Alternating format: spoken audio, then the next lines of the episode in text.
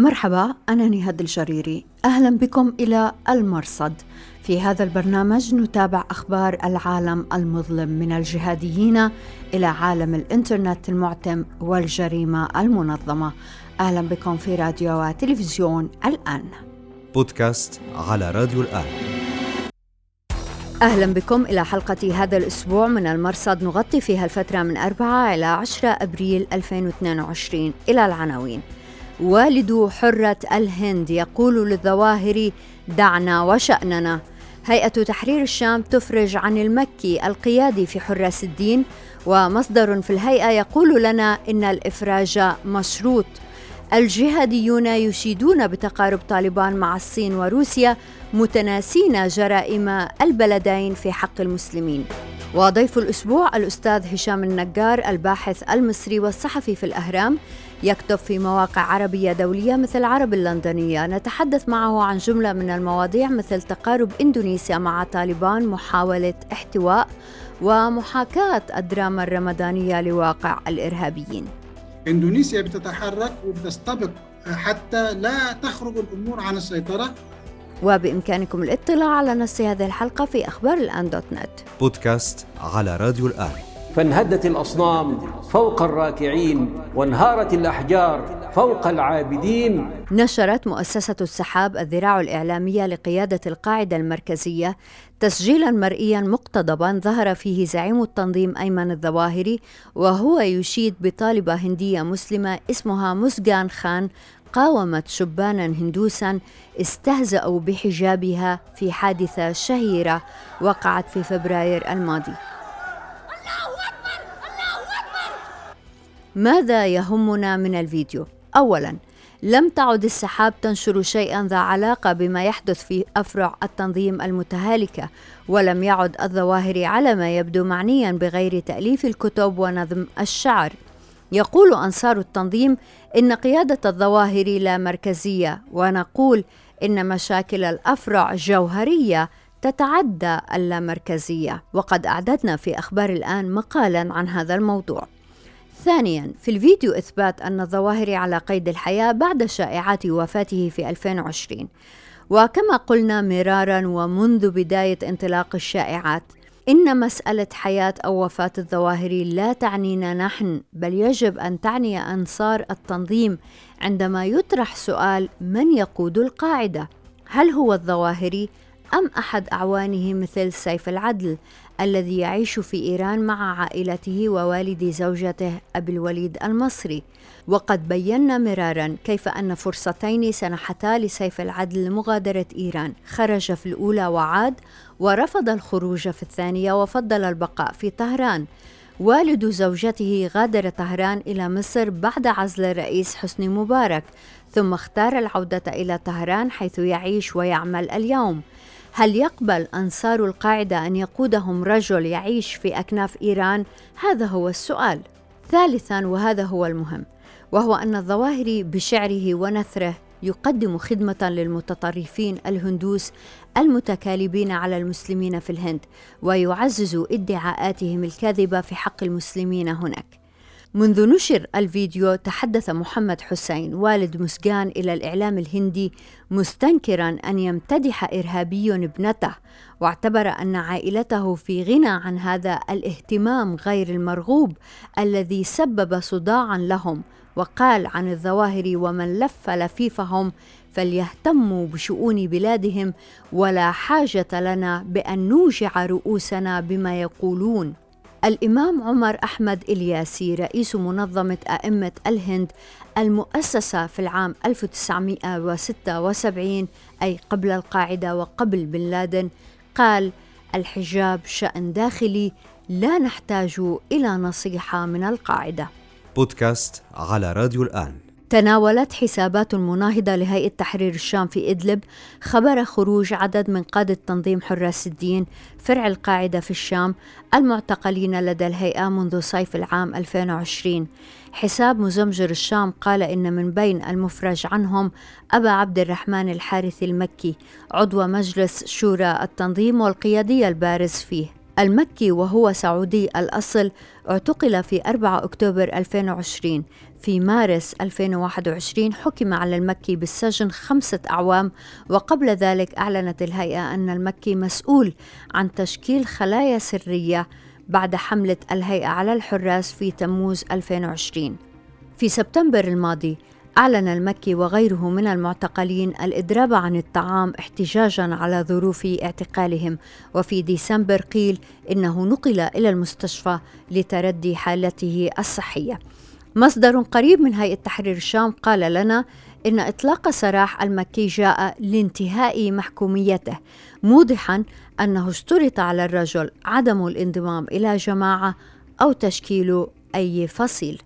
ولم يتضح بعد ما إذا كان المكي سيبقى في إدلب أو يرحل إلى مناطق درع الفرات كغيره من معارضي الهيئة أو يذهب إلى تركيا كآخرين مثل الشرعيين المنشقين ماجد الراشد وعلي العرجاني الذي عاد أخيرا إلى بلده الكويت. بودكاست على راديو الآن. قالت حكومة طالبان إنها حظرت زراعة الخشخاش المخدر الذي يستخرج منه الأفيون والمورفين. الباحث محمد صفر الذي ألف كتابا عن حركة طالبان ويعرف المنطقة جيدا علق في حسابه على فيسبوك من أكذب ما قرأت خلال الأيام الماضية. وكنت قد كتبت في كتابي أن الحركة تعتمد بشكل كبير في تمويل أنشطتها على زراعة الأفيون ولذلك كانت تستهدف القوات الحكومية المختصة بمراقبة عمليات زراعة الأفيون. وفي دراسة حديثة نشرها معهد بروكينغز تفصل الباحثة فاندا فلبا براون موقف طالبان من المخدرات منذ تأسيسهم إلى صعودهم الأول في التسعينيات ثم هذا الثاني. ومما تقوله إنهم في فترة حكمهم الأولى تبنوا اقتصاد المخدرات وحاولوا تنظيمه وكانوا يفرضون ضرائب تحت مسمى زكاة على المزارعين والمهربين وصلت قيمتها إلى 200 مليون دولار سنوياً. ولفت مما كتب عن المسألة ما قاله الدكتور ديفيد مانسفيلد الذي يعتبر حجة في هذا الموضوع. في 2016 ألف كتابا بعنوان دولة على الرمال كيف أضر الأفيون بأفغانستان في حسابه على تويتر يلفت إلى أن الحظر يأتي في موسم حصاد الخشخاش وعليه يقول يجب أن ننظر إلى هذا الإعلان على أنه محاولة لإعادة صياغة النقاش السياسي لتشتيت الانتباه عن أمور لا تريد حكومة طالبان التحدث فيها مثل تعليم البنات وهي محاولة للضغط على المجتمع الدولي ليستجيب إلى ما قد يعتبره تضحية من طالبان وخدمة للعالم يتوجهون بها إلى الجهات المانحة للاعتراف بهم وتقديم المساعدة وتخفيف العقوبات الاقتصادية. بودكاست على راديو الآن علاقة طالبان بدول إشكالية في عرف الجهاديين تطورت هذا الأسبوع فسلمت روسيا السفارة الأفغانية في موسكو إلى حكومة طالبان فيما زار وزير الخارجية الصيني كابل وألمح إلى أن بكين ستعترف بحكومة طالبان عندما يحين الوقت وفيما يشيد جهاديون مثل المقدسي بهذا التقارب ينسون أن روسيا لا تزال تقصف السوريين في الشام وأن الصين لا تزال تضطهد الإيغور المسلمين في شنجان. بودكاست على راديو الآن أعلنت كتائب شهداء الأقصى الجناح العسكري لحركة فتح مسؤوليتها عن عملية تل أبيب التي نفذها رعد حازم والتي أسفرت عن قتل ثلاثة إسرائيليين. مرة أخرى يتململ الجهاديون لأن منفذ العملية ينتمي إلى فتح. أبو محمد المقدسي مناظر الجهادية في حسابه على تويتر كتب منفذ العملية أمس فتحاوي بالوراثة ومع ذلك انطلق من المسجد. في تكرار لما قاله سابقا عن الفتحاوي ضياء حمارشة منفذ عملية بني براك داعيا إلى عدم التعجل بالحكم على انتماء هؤلاء الشباب لهذه الجماعة أو تلك. المقدسي يتعامل مع هؤلاء الشباب فرادى وليس جماعات يقول فالمسألة ليست بالتحكم والانتقائية ولا بالمسميات وحدها بل مربوطة بحقيقة وظيفة الشخص وعمله. يكرر المقدسي هنا موقفه من حماس ويعمل فيهم نظريته أن ثمة فرقا بين القوى التنفيذية الذين هم شرطة الحكومة وبين القساميين. وقد بينا في هذا البرنامج فتاوى الرجل وأعوانه فيما يتعلق بالحكم على حماس وكيف أن هذه الفتاوى تنتهي إلى تكفير الحركة وأن التفصيل بين كتائب القسام وحكومة حماس غير واضح بل وغير منطقي. يهمنا هنا أمران، اولا يجد الجهاديون أنفسهم في موقف حرج عندما يدركون أن ما يعتبرونه فضيلة ليس حكرا عليهم وثانيا إن برى من يحاجج المقدسي فيسأل عن حكم الجيوش وإن انطبق عليها ما ينطبق على حماس وفتح مثلا. يرد المقدسي يجب التفريق بين عسكر لا يقاتل إلا العدو وبين العسكر الذين هم جند الطواغيت. يرد عليه نائل بن غازي الموالي لهيئة تحرير الشام ويسأل فعلى أي قاعدة إذا حكم الرجل نفسه بتكفير أمنيي الهيئة وهم الذين يقاتلون عدوا صائلا. وينتهي إلى أن كلام المقدسي خبص وتهجيص. بودكاست على راديو الآن. أهلا بكم دائما في راديو وتلفزيون الآن. نرحب هذا الأسبوع بالأستاذ هشام النجار الباحث المصري والصحفي في الأهرام ويكتب في مواقع عربية دولية مثل العرب اللندنية. شكرا جزيلا لوجودك معنا مرة أخرى في البرنامج أستاذ هشام. العفو شكرا جزيلا لكم. أستاذ هشام منذ سنوات بدأنا نشاهد في رمضان دراما من نوع مختلف دراما عن الإرهاب الذي عانينا منه في السنوات الأخيرة. ظهر داعش في العراق والشام في سيناء تولدت جماعة داعش الإرهابية من رحم جماعات أخرى. حضرتك كتبت في هذا العنوان منذ بدأت هذه الدراما وتحديدا في مسلسل الاختيار إلى أي درجة هذه الدراما عموما تحاكي الواقع توثق لهذا الزمان؟ إلى أي درجة؟ أنا شايف إن الجزئية دي مهمة جدا لأنه ببساطة هي عمود هذه الدراما الجديدة. العامل الأكبر في التفاف الناس حولها كمان. كونها باختصار بتنسف أكاذيب دراما ودعايات المشروع الإرهابي بالمنطقة وبتطرح المقابل حقائق التاريخ وحقائق الواقع وما جرى فعلا على الأرض خاصة منذ 2011 إلى الآن. بالتزامن مع الجرائم والغزوات والعمليات الإرهابية الإخوان وداعش والقاعدة كان هناك إعلام يجمل هذا كله ويضع له المبررات من خلال دراما ملفقة بتجمل جماعات خائنة بتصورهم كمنقذين للإسلام ومحررين للمقدسات. ده بالفعل كان له تأثير كتير جدا والمصريين أو بعض المصريين انخدعوا بهذه الأكاذيب المكثفة وبعض العرب في إعلام ودراما الإخوان وداعميه بدليل الأعداد الكبيرة اللي شاركت في بؤرة رابعة بعد إسقاط حكم الإخوان. هؤلاء جرى خداعهم بأكاذيب درامية مزيفة. الهدف كان كما اعترف أحد قادة هذا الاعتصام بعد هروبه للخارج هو انقسام الجيش للوصول لحالة شبيهة بأوضاع بعض الدول العربية تسيطر الميليشيات على بعض المناطق ويديرها قادتها لحساب الداعمين الخارجيين. أستاذ هشام حضرتك تكتب في طيف واسع من المواضيع التي تتعلق بالإرهاب والجهادية. في مقال نشرته الأهرام في 4 أبريل 2022 كتبت حضرتك تحت عنوان ورضي عنهم جهلهم. تتحدث عن عودة مصطلح الجهاد العالمي إلى الواجهة مع بدء الحرب الروسية على أوكرانيا. بالحقيقة هذا من المواضيع المهمة اللي بنتطرق إليها في البرنامج. نحن نعتقد أنه الجهاد العالمي انحسر هذا إرث أسامة بن لادن انحسر خاصة مع بروز طالبان وصعود طالبان إلى الحكم في أفغانستان والتركيز أكثر على المحلية. ده مهم جدا وفي وقته. كيف انحسر؟ تذكرين حضرتك محطات تحول أو تحولات القاعدة إلى الآن. حاول بن لادن وفق وثائق أبو تباد بعد ضرب أفغانستان بعث الجهادية العالمية بعد ثلاث سنين تقريبا. لكن التنظيم كان أنهك وتلقى ردود محبطة ممن نجح في التواصل معهم بن لادن من أعضاء التنظيم. القاعدة بعدها حاول إعادة إنتاج نفسه من خلال التعاون مع حركات أخرى قفز على أحداث في الساحة زي الشراكة مع الإخوان. دي كانت مهمة جدا في مسيرته لأنها كانت ضمن مشروع ضخم جدا ممول بشكل هائل مشروع حكم الإسلام السياسي بعد ثورات الربيع العربي. كان القاعدة بمثابة الذراع العسكري أو إحدى اذرع الإخوان العسكرية وده صاحبه تحول في خطاب القاعدة زي رسائل البشر لأهل مصر دي الظواهري واستخدام مصطلحات جديدة زي مطالب الأمة نصرة الشعوب إلى آخره.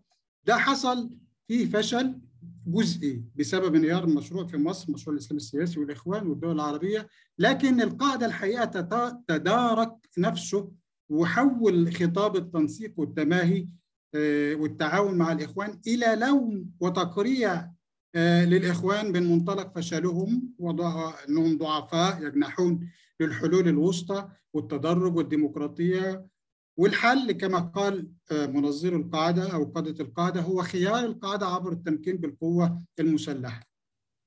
تداركوا أيضا القاعدة بإنتاج نسخ ما أطلقت أو أنا شاركت في إطلاق هذا المصطلح مع بعض الباحثين الغربيين هو الجهادية المحلية وهو مشروع بديل للإسلام السياسي تحدث عنه وحذر منه بعض الباحثين الغربيين على سبيل المثال لوينزو في دينه مدير برنامج التطرف بجامعة جورج واشنطن ومفاده. منح بعض نماذج القاعدة اللي نبذت الجهاد العابر للحدود والجهادية العالمية. استهداف العدو البعيد نبذوه. انتهاج الجهادية المحلية فقط زي مثال تحرير الشام هيئة تحرير الشام اللي بتسيطر على إدلب وبتقدم تجربة محل جهاد محلي هناك هذه التجربة اللي هناك محاولات لاستنساخها فيها عدد من المناطق طبعا طالبان وبعض مناطق إفريقيا تقوم على أساس مشابه لحكم الإسلام السياسي مع الغرب امنحونا الاعتراف والشرعية الدولية ونحن نحقق أهدافكم ونحميكم من فصائل الجهاد العالمي العابر للحدود زي داعش. طبعا هذه التحولات ليست بعيدة عن الإشكاليات والخلافات اللي صبغت نقاشات القادة المؤسسين للقاعدة خلافات بن لادن وعبد الله عزام حول ماذا نفعل بعد أفغانستان؟ هل نقاتل في فلسطين؟ هل نقاتل الحكومات إلى آخره؟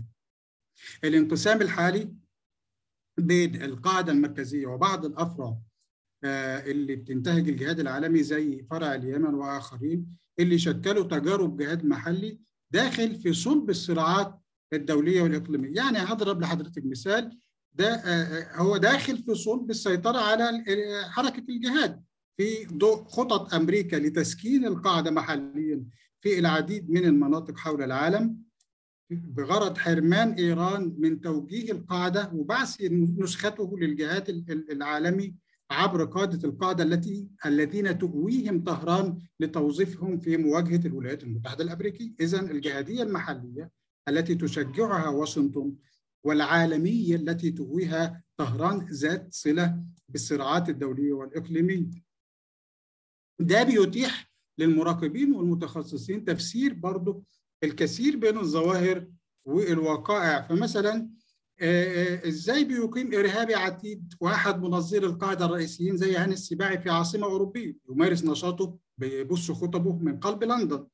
ببساطة شديدة هاني السباعي له دور كبير في تكريس الجهادية المحلية وإنحاز لرؤية أبو قتادة الفلسطيني اللي أثنى على تكتيكات طالبان مقابل هجوم أبو محمد المقدسي على ذلك وانتقاده لطالبان. منظر كهاني السباعي يعلم من أين تؤكل الكتف كيف ينال رضا الأجهزة الغربية التي تغض الطرف عن نشاطه وتحريضه التكفيري ضد الحكومات والأنظمة العربية لأنه وصف طالبان بأنها مدرسة في فن المفاوضات وأنها لن تتنازل على الشرعية. وهذا يصب في مصلحة تلك الأجهزة التي تريد تمكين أفرع القاعدة لتفويت الفرص على داعش في تمكين أفرع القاعدة محليا حتى تفوت الفرصة على داعش الذي يسعى لسحب البساط من تحت أقدام طالبان والقاعدة لتزعم حركة الجهاد العالمي ضد الغرب والعدو البعيد.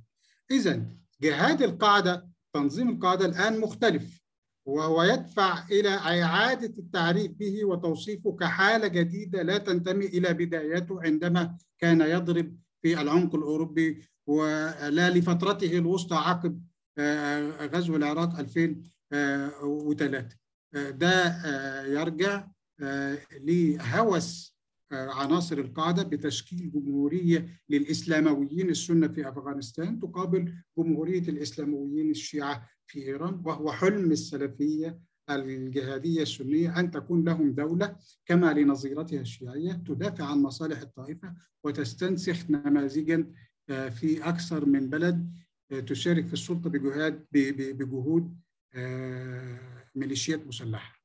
الحقيقة أستاذ هشام بالنسبة لهذه الجزئية الأخيرة التي تتعلق بالدولة السنية لا يبدو أنه طالبان على الأقل على السطح يديرون بالا للظواهر فهم أنكروا البيعة مثلا.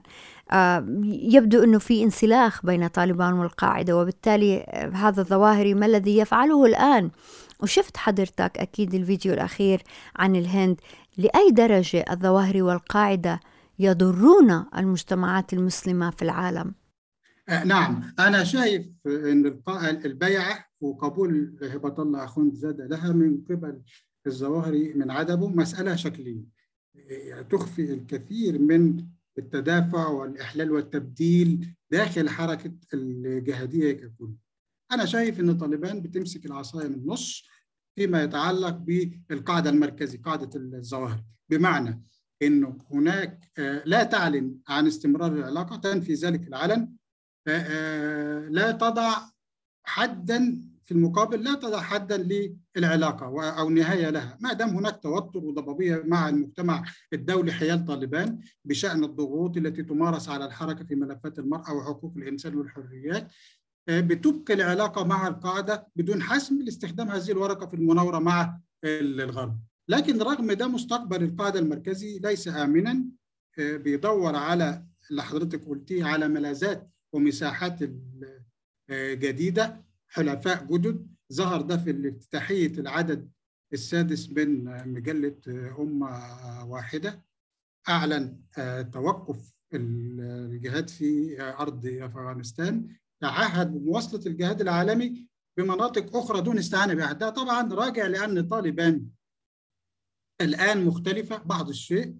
ومن الدقيق تصنيفها كأحد نسخ الجهادية المحلية لذلك فهي تحرص ألا يورطها القاعدة المركزي مجددا في صراع المعولم اللي حضرتك قلتيه بالنسبة للهند بالطبع يحرص القاعدة على خلق مساحات حضور بتمثل حاضنة للتنظيم. ليس هناك أفضل من الهند فضاء جنوب آسيا.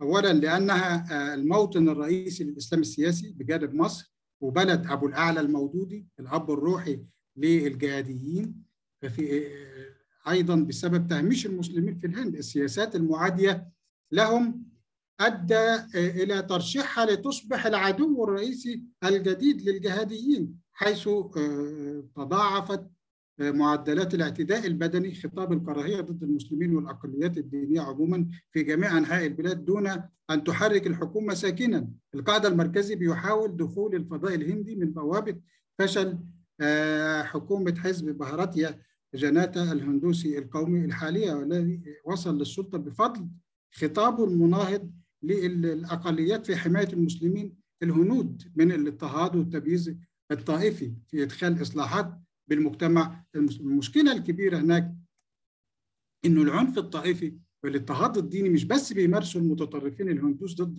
المسلمين ده حتى مسؤولين بالحزب الحاكم بيمارسوه. وبيروجوا لهندو تيفا المشروع الجديد اللي هو القومية الهندوسية اللي بيتبناها الحزب الحاكم. وتفسيراتها مش بس بتعارض العلمانية في الهند ده إنما بتحرض على كراهية المسلمين. الهنود 200 مليون نسمة أدى إلى تصاعد موجات آه، الغضب المعادي له القاعدة طبعا وفق إشارات الظواهر في تسجيله الأخير اللي حضرتك أشرت إليه بيظن أن الأرض باتت ممهدة داخل المجتمعات المسلمة في الهند أكثر من أي وقت مضى لاستغلالها آه، كي يخلق حاضنة شعبية مسلمة تعاني من الممارسات الطائفية الهندوسية ولا يجدون من يحميه. الاثنين بيلعبوا القاعدة المركزي والقاعدة في شبه القارة الهندية على وتر تأجيج آه، التشدد الديني توظيف مسألة الزي المختلف التأكيد على الهوية الانفصالية بهدف تكريس عزلة المجتمعات المسلمة في الهند واختراقها بالفكر الجهادي العالمي اللي نبذته الهند طويلا وعرفت كواحدة من أكثر المجتمعات المسلمة المسالمة في العالم. أستاذ هشام ربما السؤال الأهم هنا آه، وهذا من وحي مقال لحضرتك بعنوان نهضة علماء أفغانستان رهان إندونيسيا لتأهيل طالبان وكبح التطرف. كان لافت تركيز حضرتك على لنقل تقارب إندونيسيا مع الطالبان لأنه آه، اجمالا التقارب اللي عم بنشوفه بين طالبان ودول العالم هو تقاربهم مع دول إشكالية مثل روسيا التي تقصف السوريين في الشام مثل الصين التي تضطهد المسلمين الإيغور في آه، شنشان. لكن هذا التقارب مع دولة مسلمة بحجم إندونيسيا هذا أمر لافت.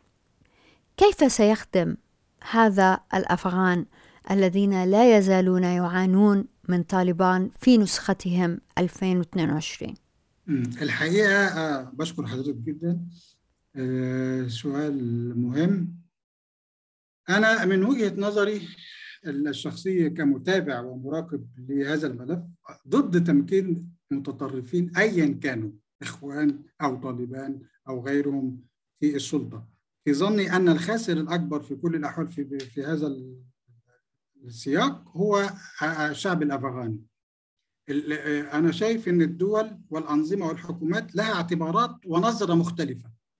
المقال بينقل رؤية المسؤولين والنخبة الفكرية والأمنية في إندونيسيا فهم يرون أن التعاطي الإيجابي مع الواقع الجديد في أفغانستان هو الأجدى.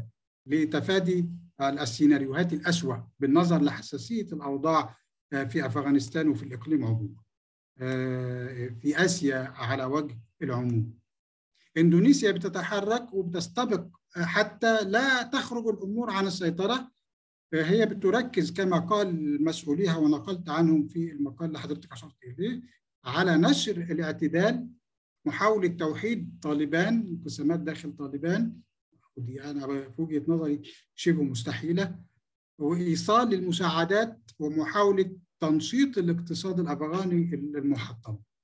إندونيسيا أيضا بتتوخى ألا يستفيد المتطرفون داخلها داخل إندونيسيا من صعود آه، طالبان، أنا لاحظت إن هم متخوفين من هذه آه، النقطة جدا. آه، المسؤولين الأمنيين ومنهم رئيس هيئة المخابرات الأسبق قال لي في حوار معه انه نحن نركز على أن طالبان مختلفة في الفكر وفي المرجعية عن المتطرفين عندنا. المتطرفين عندنا ينتمون إلى حركات السلفية الوهابية أما طالبان فمرجعيتها مختلفة. يريدون الفصل حتى لا يستفيد المتطرفون الجماعات الإرهابية داخل إندونيسيا من صعود آه، طالبان.